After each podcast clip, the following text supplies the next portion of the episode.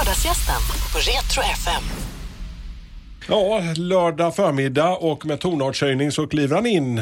Anders Wrethov, eh, god morgon eller god förmiddag eller vad säger du vid den här tiden? Ja, men jag säger god morgon. Ja, okej, härligt. Är, är du, kan du ligga och dra dig på dagarna eller är du sån här morgonpigg? Ja, det är lite olika för att nu för tiden har jag faktiskt ett hotell som jag också driver tillsammans med min fru. Så att ibland så turas vi om eh, med hotellfrukosten, eh, vilket jag tycker är väldigt kul och det är, en härlig kontrast till, till musikskapandet. Men då blir det lite tidiga morgnar ibland. Så, att, Så du har eh, hotell nu också? Jajamensan, jag har hotell i Vellinge, hotell Vellingebacken. Okej, alltså, hur, hur kommer det sig liksom att gå från tonartshöjningar och producera Mell och massor med musik här i världen till att starta hotell? Nej, men det var så att eh, jag har haft en en dröm tillsammans med min fru ett tag då att, eh, att, ha ett, att ha ett hotell faktiskt. Och eh, jag har haft studio här i Malmö, då, musikstudio. Jag har producerat och skrivit musik i många år och älskar och, och trivdes väldigt bra i Malmö.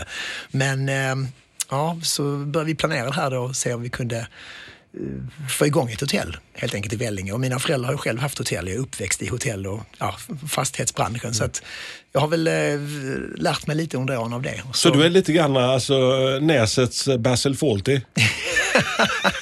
Ja, så kan vi säga. Absolut, absolut. Det, det är lite så. Ja.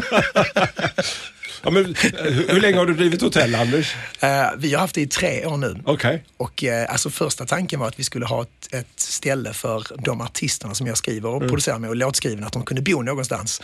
För att har man en studio i Vellinge så, ja, så vill man ha något ställe de kan bo på. Ja. Så, att, eh, ja, så att det var ju lite grann i de tankebanorna som vi öppnade det här hotellet också. Va, va, att vi- va, vad är det märkligaste du varit med om under de här åren så, så, alltså, som hotellägare? Alltså, för jag kan tänka mig att de märkligaste frågorna är saker som har hänt. Här. Uh, alltså vår nisch är kanske lite originell just med att det är ett, som ett musikhotell, får man säga, ett artisthotell. Så att på alla de här nio rummen vi, vi har så har det ju bott olika stjärnor får man ju säga. Ett, ett rum där så bodde ju Hasse där, John Lundvik bott där, E-Type där, har diverse artister bott. Så det, det gör ju att vi har en liten speciell profil och när man berättar det för folk, när de kommer in kanske i receptionen, de ser lite guldplattor på väggarna och sådär. Och, de kanske inte alls känner till det här. Då blir de ju oftast lite paffa och bara wow, har, har, har eh, den artisten bott här? Har Max och Martinus varit här? Eller? Ja. Och det är lite kul, så att eh, det blir lite chock ibland som oftast är positivt, än så länge. Trashade Hasse Andersson rummet eller när han var hos dig? Ja, han var helt galen. Han slängde ut tvn och Ja, radion. Alltså, Man känner ju den. Alltså. Ja, nej. Det, nej, han kan vi aldrig ha med. Nej. Nej, nej då, han, han skötte sig så fint. Ja. Monica har koll på honom också. Ja, så att, ja, det tror jag alldeles säkert. Du Anders, eh, Mello i år 2020, eh, får börja lite, lite i nutid. Vad händer i Mello? Har du, har någon, någon låt med i år? Jajamensan, jag har två stycken låtar här i svenska Melodifestivalen. Eh, sen har jag även med låtar i Norge och Kroatien. Så att, eh, det är spännande år, väldigt spännande år. Okej. Alltså, eh, vilken, vilken av dem är eh, så här, vinnartippade av dem, de du har? Du kan inte, så eh, jag har ju en, en, en tjej, en stor, storstjärna får man säga i Kroatien. Eh, som, eh, som jag tycker vi har fått till en väldigt bra låt till. Hon är 17 år gammal och en fantastisk sångerska. Så att jag tror hon har chans att, att, att ja, kanske kunna vinna och representera Kroatien. De har ju precis som vi har här en final eh, där då de korar vinnaren och folket röstar. Hon heter Mia Negov, Negovetic om jag uttalar hennes namn rätt. Hon har också bott i ditt eh, lilla hotell eller? Nej, nej, det har hon faktiskt inte gjort. Hon, eh, hon bodde faktiskt aldrig på ett hotell i, Mal- i Vellinge. Hon bodde faktiskt i Malmö. Så att, Okej. ja, hon får prova det nästa gång. Du, alltså, då hoppar vi eh, dåtid. Kommunala musikskolan, eller var börjar man? Alltså intresset för musik, passionen för musik som du berättar, uppväxt i eh, en hotellfamilj. Ja, men så var det. Jag växte upp i Vellinge själv och, och eh, hade lyckan där att det fanns en bra musik, eh, musikskola och musikklass. Det, det har ju eh, verkligen varit en lyx att kunna ha det. Musikskolan i Vellinge var fantastisk och till och med ett tag jag fick låna nyckeln eh, under vissa perioder för att jag levde där mer än vi gjorde hemma och repade och hade band och höll på och spelade in och grejer. Så att, ja, jag är väldigt tacksam för det. Och även musikklass. Vi hade en bra musikklass där man fick söka in och eh, de tog in nio elever varje år den här musikklassen. Så att det var hög kvalitet. Det var liksom på allvar från början och det har ju varit väldigt, väldigt eh, bra för mig och säkert för många andra som har gått också. Och sen klart, ja, mina föräldrar har ju hotell och de är entreprenörer och de håller på liksom med fastigheter och, och jordbruk och sådär. Så det har ju också kanske format mig med att ja, men saker och ting går att göra om man verkligen tror på det och man håller ut. Liksom, Finns det några musikaliska talanger i familjen? Eller alltså förutom alltså, bakåt i tiden eller som man kan hitta? Ja, men, alltså min mamma och pappa de håller inte på med musik eller kan spela någonting så. Nej, det kan de inte. Men min farfar däremot, som också heter Anders, han var ju också en låtskrivare faktiskt, precis som jag, och eh, även författare. Anders eh, Olsson i Slågarp och han, eh, han eh, har inspirerat mig verkligen. Jag var inte så gammal när han eh, gick bort tyvärr. Eh, han var 94 år, jag var 6 år gammal så att vi hann inte lära känna varandra så väl. Men jag, jag fick hans flygel för jag hann spela två ackord på hans eh, eh, sjuk, på sjukhuset där innan han gick bort. Så han såg väl att jag hade någon talang så att jag fick hans flygel och den står faktiskt i min studio idag. Så att eh, han betyder mycket för mig. Första instrumentet var det piano? När du Ja, det, började? var, ja, det var gitarr först. Jag började spela gitarr när jag var sex år. Min farsa han köpte en gitarr till mig och eh, jag började plinka på den och sen så blev det musikskolan då, något år senare. Och sen så kom pianot efter det. Jag fick pianolektioner också på musikskolan. Så gitarr, piano och sen kom ju sången lite senare då, att börja sjunga och sådär. Och, men skriva låtar kom väldigt tidigt, gjorde jag. Började skriva Ja, skriva melodier och lite text och sådär redan när jag var 9-10 år. Så att, eh, det, det kom tidigt till mig. Det. Absolut gehör eller? Nej, det har jag inte. Jag har bra gehör, men jag har inte absolut gehör. Är, det, är, är, du killen som liksom verkligen kan läsa noter från vänster till höger eller? Absolut, jag har ju gått alla de där grejerna. Liksom. Musikklass, musikskola, eh, musikgymnasium, musikhögskola. Eh, så jag har gjort hela resan, vilket är fantastiskt och vilket jag är väldigt glad för. Så att, nej, absolut, jag har ju en, en bred kunskap om, om musik och, och spelandet och allting sånt där. Så det, är ju en, det är ju en lyx att kunna ha med sig i det jag gör idag, att skriva och producera musik. Men också att jag har kunnat spela och eh, få kunskap om många olika typer av musikstilar. Eh, det är ju väldigt bra. Jag själv älskar ju så mycket olika typer av musik. Jag gillar liksom rock, eh, dansband, schlager, klassisk musik, jazzmusik. Jag gillar inte allt, men jag, har, jag känner mig väldigt hemma väldigt mycket. Så att då har det ju varit en tillgång att fått så mycket bra undervisning i, i olika grejer. Liksom. Då tänker man liksom att, eh, att när man går på musikhögskolan så, så är det ju Alltså, eh, alltså, det låter så förmätet men att, att, man, att det kan vara ett mått av snobberi. Man ska in i en viss genre, man ska bli musikdirektör eller kyrkomusiker. Man ska göra, alltså, Jo, och, och, och, så, har- och så blir du den, den kommersiella... Ja, precis. Ja, men den har du fått för gissar jag. Ja, jo men, det, jo, men det ligger mycket i det du säger. Eh, alltså, ja, jo men absolut. Det är klart att det blir lätt kanske lite så här elitistiskt på, på eh, vad ska man säga, lite högre eh, instanser i, i musikskolor och sådär. Det blir det och eh, jag kanske har stuckit ut där för att jag gillar ju musik ofta som kanske folket utanför de här skolorna gjorde. Hitmusik så kallad. Eh, men eh, så, jo, så absolut. Men det var ganska kul att få vara vad ska man säga, rebellisk någonstans. För det är man kanske inte när man gör Gjo- Gjorde du någon sån alltså, någon, eh, examenskomposition sådär som var liksom riktig discodänga eller när, när, ni, när du tog examen? När ni, slutarbete? Jo, jo, men jag tror folk på, på, på skolan här, på både musikgymnasium och musikhögskolan tänkte att den här Wrethov, han, eh, wow, han, han, han gör sin grej liksom och han bryr sig inte om vad, vad andra tänker och tycker. Så att, eh, men jag, jag tyckte väldigt mycket om skolan. Jag har, jag har vänner därifrån i, idag och många fantastiska lärare. Men absolut, det, det, det, det finns ju grejer som... som Jag bara eh, tänkte liksom, man tänker en stereotyp, just när du säger som du sa lite, eh, och så tänker man att och så landar du där du är. Ja, Eh, jo, nej, men absolut, det, det är det. Men eh, jag har träffat många lärare eh, som, som är väldigt glada för, för min skull och som jag verkligen är tacksam att jag har fått deras eh, hjälp med under vägen. Så att, eh, jag har mycket att tacka också, verkligen. Första plattan du spelade in, vilken var det? Första skivan, det var faktiskt eh, med ett band som heter Mighty Nice som jag hade på gymnasiet redan. Och vi spelade in en studio här i Malmö då, på en studio som heter Roasting House. Som, eh, vi spelade in en hel skiva och den släpptes också både i Sverige, Danmark och i Japan. Den sålde inte någon platina direkt, men, eh, men det var liksom första grejen man fick göra på riktigt. Spela in en riktig skiva med riktigt, riktigt fin studio och allting.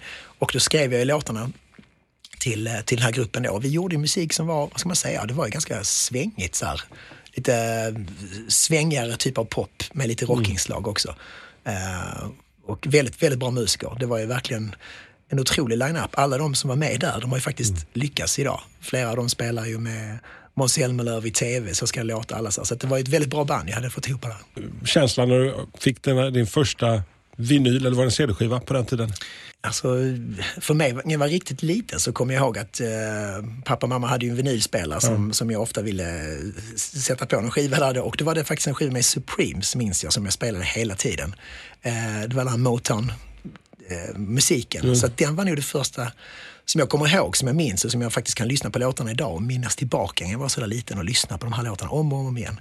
Så att, eh, Ja, Diana Ross Supremes, det var första kontakt. Är det, kan man hitta någon Motown till exempel? Alltså så här, eh, några av dina?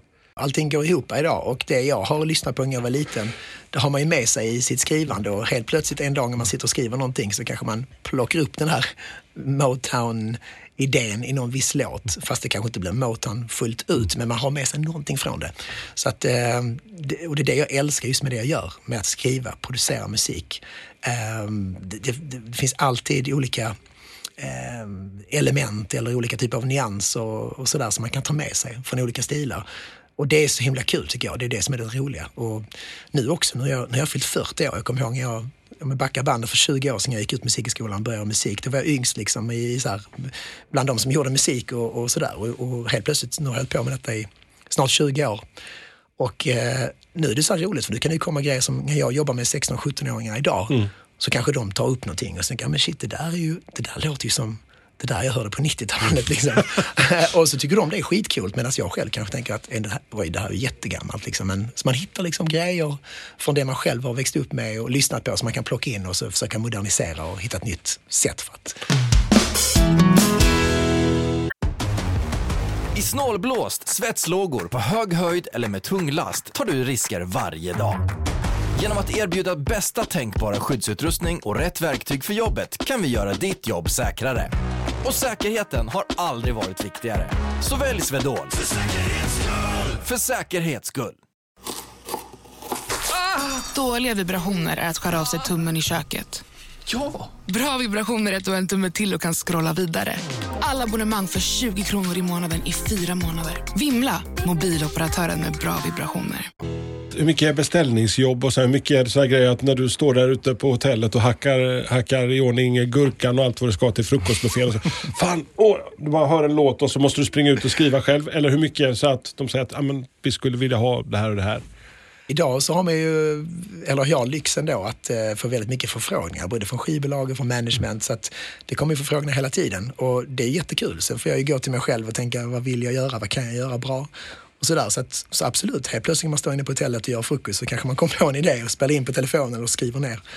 Därför är jag så glad för, för att ha ett hotell då och ha någonting annat än bara musiken. För att, ja, det gör faktiskt att man får lite bra energi och kommer ifrån musiken lite grann. Och, alltså där, det, det, Men det är så skönt att göra något. Alltså jag kan känna ibland, jag pysslar ju med luft här dagligdags. Liksom, ingenting som går att ta på. Så jag har ett väldigt behov av att göra någonting med händerna. Världens mest ohändiga, men måste ändå göra någonting. Nu är det mycket matlagning för min del. Sådär. Det är det. Vad kul hör jag. Ja, men du ser. Absolut. Och det, och det, jag älskar också matlagning. eh, Och, eh, nej, men jag tror det är bra att man gör, även om man har ett så otroligt starkt brinnande intresse så är det faktiskt bra att göra någonting annat.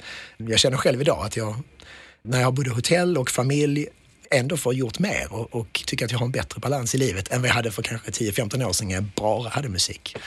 Vad är den mest hektiska perioden för dig? Alltså just Melodifestivalen älskar jag och har alltid gjort, tycker är väldigt kul. Och de, de, de månaderna som är hektiska det är oftast där innan deadline, det vill säga från, eh, ja, jag, jag brukar börja skriva till Melodifestivalen kanske i maj, någonting på sommaren där och sen så ska man vara klar i augusti.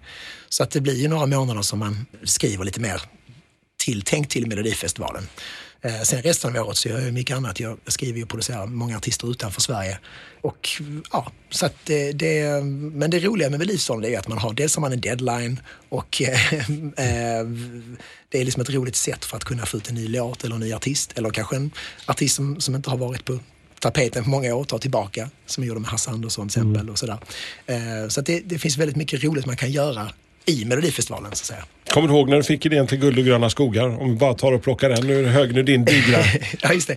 Eh, jo, men Hasse han var ju en stor idol eh, när jag var liten och växte upp då med Änglahund och Dans på Baby Ängar. Så att jag har haft en dröm länge att skriva en låt till honom. Så jag och min syrra då, Elin, som jag skriver en hel del tillsammans med, vi gjorde, började på den här idén då till Guld och gröna skogar och sen eh, eh, kom Johan Beholm med och Johan Deltinger som också jag skriver med. Och så här, så att vi, vi var ett bra team där som fick ihop den här låten och så skickade vi den till Hasse Andersson. Och han gillade låten och eh, sjöng in den. Den, alltså, den var ju en, en förskole, skolavslutningsplåga utan dess like. Hur många, till dags dato, hur många sålda plattor, hur många lyssningar, eller vad, vad mäter man idag på just den? Ja, jag tror på Spotify så har den över eh, 30 miljoner lyssningar där. Och sen eh, fysisk försäljning, alltså CD-skivor, så har den ju sålt, jag vet faktiskt inte, platina i alla fall minst. Om man drar ett litet axplock av alla dem du har producerat bara för den svenska melodifestivalen genom åren. Vilken är det så som du är mest nöjd med som man känner att Oj, det, det, är, det är många nu. Jag tror uppe i 20 låtar som jag skrivit och producerat till Melodifestivalen. Och eh, alltså det är väl klart att Too Late For Love, de med John Lundvik som vann förra året, det är ju någonting som är lite extra i och med att den vann och jag och John, vi har känt varandra ett tag, bra vänner och allting föll på plats. Och, och ja, det, så det var, ett, det var ett fantastiskt moment som jag alltid kommer att bära med mig. Och man ser folk sjunger, sjunger låten någonstans på någon eh, karaokebar eller man hör den på radio eller någonting. Det där är en sån otroligt härlig känsla. Men sen även nu förra året, jag skrev en låt till Jan Malmsjö och den blir inte någon stor hit men för mig personligen så är jag väldigt glad att få jobba med honom och jag tycker själv mycket om den låten. Jag var så jättelycklig att få träffa, träffa Jan och snacka lite MFF när han var här nere. Liksom. Han, Ja, han sken som en liten sol. Liksom. Ja, det gjorde han, det kan jag tänka mig. vad, vad har framtiden i sitt sköte för din del? Liksom? Alltså för att nu, nu är, är vi snart igenom den här Melodifestivalen. Vi ska kora en vinnare här om några veckor. Eh, hur, ser, hur ser det ut närmsta, närmsta året för din del, Anders? Ja, det är spännande. Men först och främst är det ju nu, jag ska till Luleå i helgen eh, här då och eh, med Anis Don Demina som tävlar där och sen har jag final i Norge samtidigt med en artist som heter Ray Lee. Eh, så att det är ju jättespännande och sen då Kroatien och eventuellt kanske en andra chansen eller finalplats här i Sverige då med någon av låtarna här. Så att eh, det är en rolig tid och sen senare i vår så kommer jag också skriva och producera lite låtar till, eh, ja, till en del artister. Jag kan inte nämna några namn. Men eh, jag har precis varit i Dominikanska republiken nämligen och skrivit låtar tillsammans med Pitbull och eh, Mohombi och flera andra artister. Eh, så det har varit riktigt, riktigt kul. Hur är det att slå sig tillsammans med ett gäng med sådana här? För när jag ringde dig eh, först vi skulle försöka få till det, liksom Anders, så, så, så var det just nere i Dominikanska republiken. Hur är den känslan alltså, att sitta där tillsammans? Alltså, blir det någon sån kreativ smältdegel eller? Ja men det är det. Där var vi ju i tio dagar, eller nio dagar var vi och skrev då eh, på det här campet och då var det ju som sagt Pitbull där och Mohombi, flera artister och många låtskrivare både från USA, från Kanada och från Latinamerika.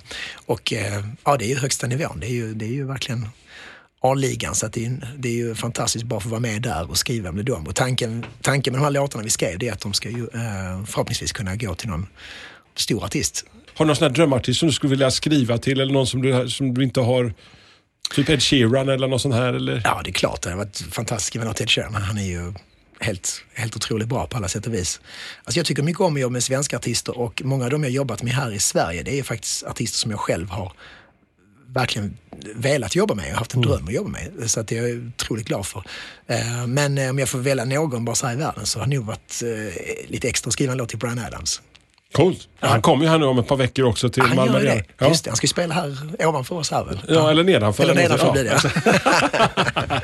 Jag satt och kollade på ditt CV för jag tänkte jag måste ju låta lite påläst så jag inte låter så här bara snyter allt ur armvecket. Age of Ultron, Avengers, hur tusan hände det? Ja, det var en liten slump. Jag var i Los Angeles då och skrev eh, med lite låtskrivare för några år sedan. Och då hade vi en låt där som, eh, som Marvel då, alltså Disneys eh, eh, filmdel då, fick höra och eh, tyckte väldigt mycket om. Så de ville ha den här låten till eh, Age of Ultron.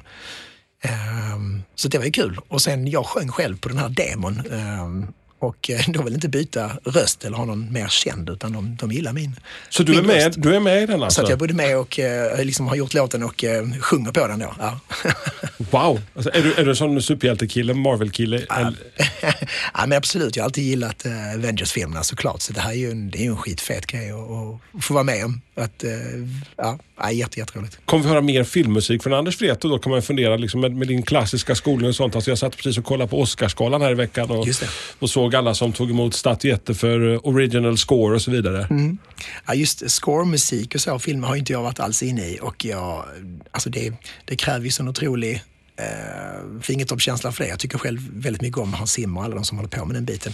Så att det, den, den grejen kanske är, inte just nu i alla fall, att jag känner att jag är är där eller har den kunskapen framförallt. Men göra en låt i en film som, som jag gjorde här då med, med den här låten i Memories, det tycker jag är skitkul. Ibland har det hänt att ja, de bara ringer och frågar, kan vi få med den här låten i, i, i någon film? Eh, även i Sverige ett par gånger. Vi var med nu i Bara nakna till exempel. Var ju med i eh, den här eh, eh, Solsidan. Solsidan var den filmen. Så att där var ju, där var ju liksom bara nakna med då i, i filmen där. Så att, sånt där är ju jättekul. Hur var det att jobba med Samir och Viktor? Ja, jo, men jag tycker det är skitkul. Det är det som är så roligt med det här jag gör och eh, att jag gör väldigt mycket olika typer av musikstilar. Att ena dagen kan man sitta i studion med Jan Malmsjö och andra dagen med Samir och Viktor. Så att det är verkligen kontrasterna. Men, eh, nej, men de är superhärliga. Det är mycket energi så man blir lite matt sen. Man får ju ta en, ta en paus några dagar sen. Och så. Men de, de är framförallt väldigt, väldigt roliga och de är otroligt drivna. Och de har ju någonting som kanske inte alltid folk, eller folk ser kanske på det sättet eller uppskattar kan jag säga. Ja, att de är så himla drivna och passionerade och väldigt duktiga artister. Så att de har hittat sin väg att slå igenom på. Hur nervös är man som låtskrivare när man sitter där i den klassiska green room som har blivit liksom nästan en del av det svenska folkhemmet de här veckorna i februari, mars. Hur nervös är du? Man är alltid nervös. Det är faktiskt, det blir bara värre och värre. Jag tänkte så själv att det blir säkert bättre ju mer man är med i den här Melodifestivalen. Men jag tycker bara jag blir mer och mer nervös eh, efter varje år faktiskt. men det är så det ska vara. Det är en del av det roliga också faktiskt. Det där att det är den här spänningen, den tävlingen och Oh, varje år så tänker man, vad ska man utsätta sig, efter, utsätta sig för det här? Men, eh, men det är otroligt kul. Det är lite extra spännande tycker jag på Andra chansen för det är de här duellerna och det är det så här, det är verkligen så här, vinna eller försvinna. Och, eh, ja.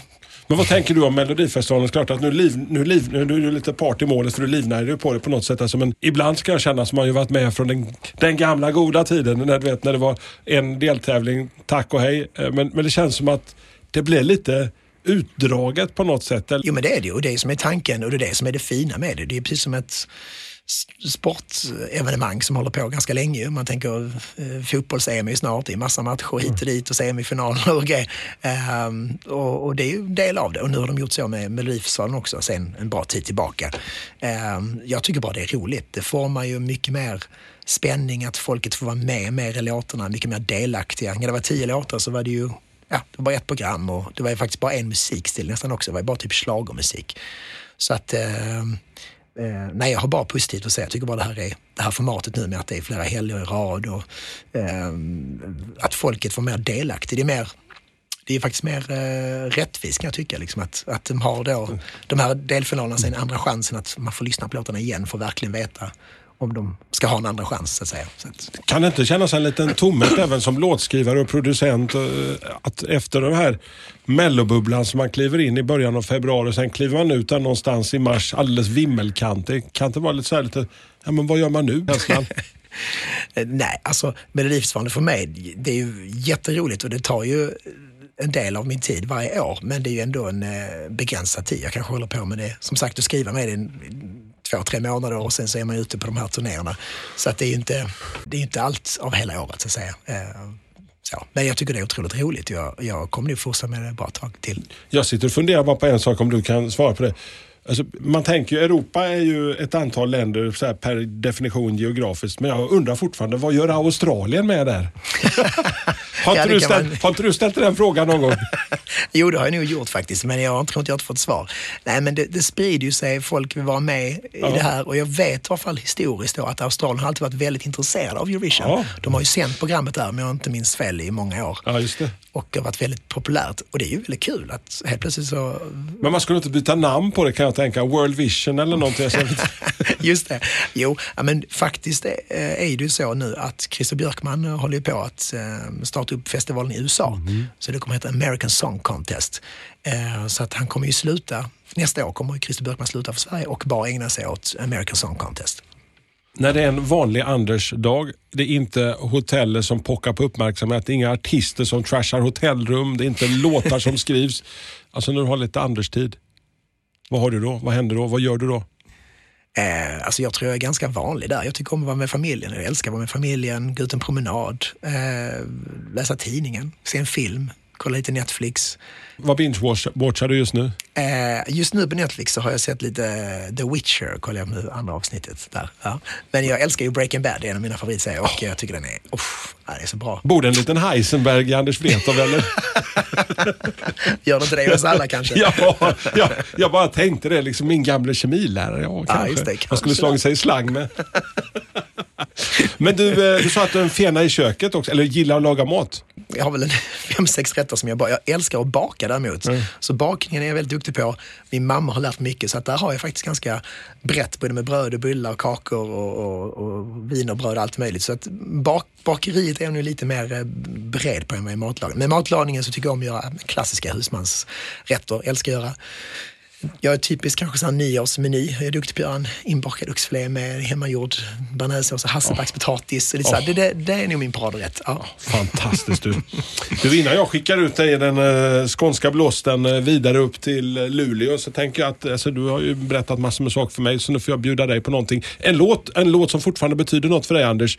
Ponera att uh, kassettbandet fastnar i din gamla skorv där hemma och du kan bara spela en enda låt. Vad skulle det vara för låt som du skulle kunna stå ut med att lyssna på ett par timmar innan du får ut skivan? Oj, vilken bra fråga. Ja, det får nog bli någonting med uh, Europe, svenska hårdrocksgruppen Europe som uh, Ja, de har gjort ett så stort avtryck i mig och jag älskar deras låtar och eh, en av låtarna på Out of this world-plattan får nu bli det. Okej, okay. ja. taget. Då tar vi det till Europe. Anders Wrethov, lycka till! Tusen får tack. man, får man säga det förresten? Ja, men det får man. Ja. Kick Klart. ass, nu kör vi! Tack snälla, kul att komma hit. Lördagsgästen på Retro FM. Dåliga vibrationer är att skära av sig tummen i köket. Ja! Bra vibrationer är att du har en tumme till och kan scrolla vidare. Få bra vibrationer med Vimla. Mobiloperatören med Sveriges nöjdaste kunder enligt SKI.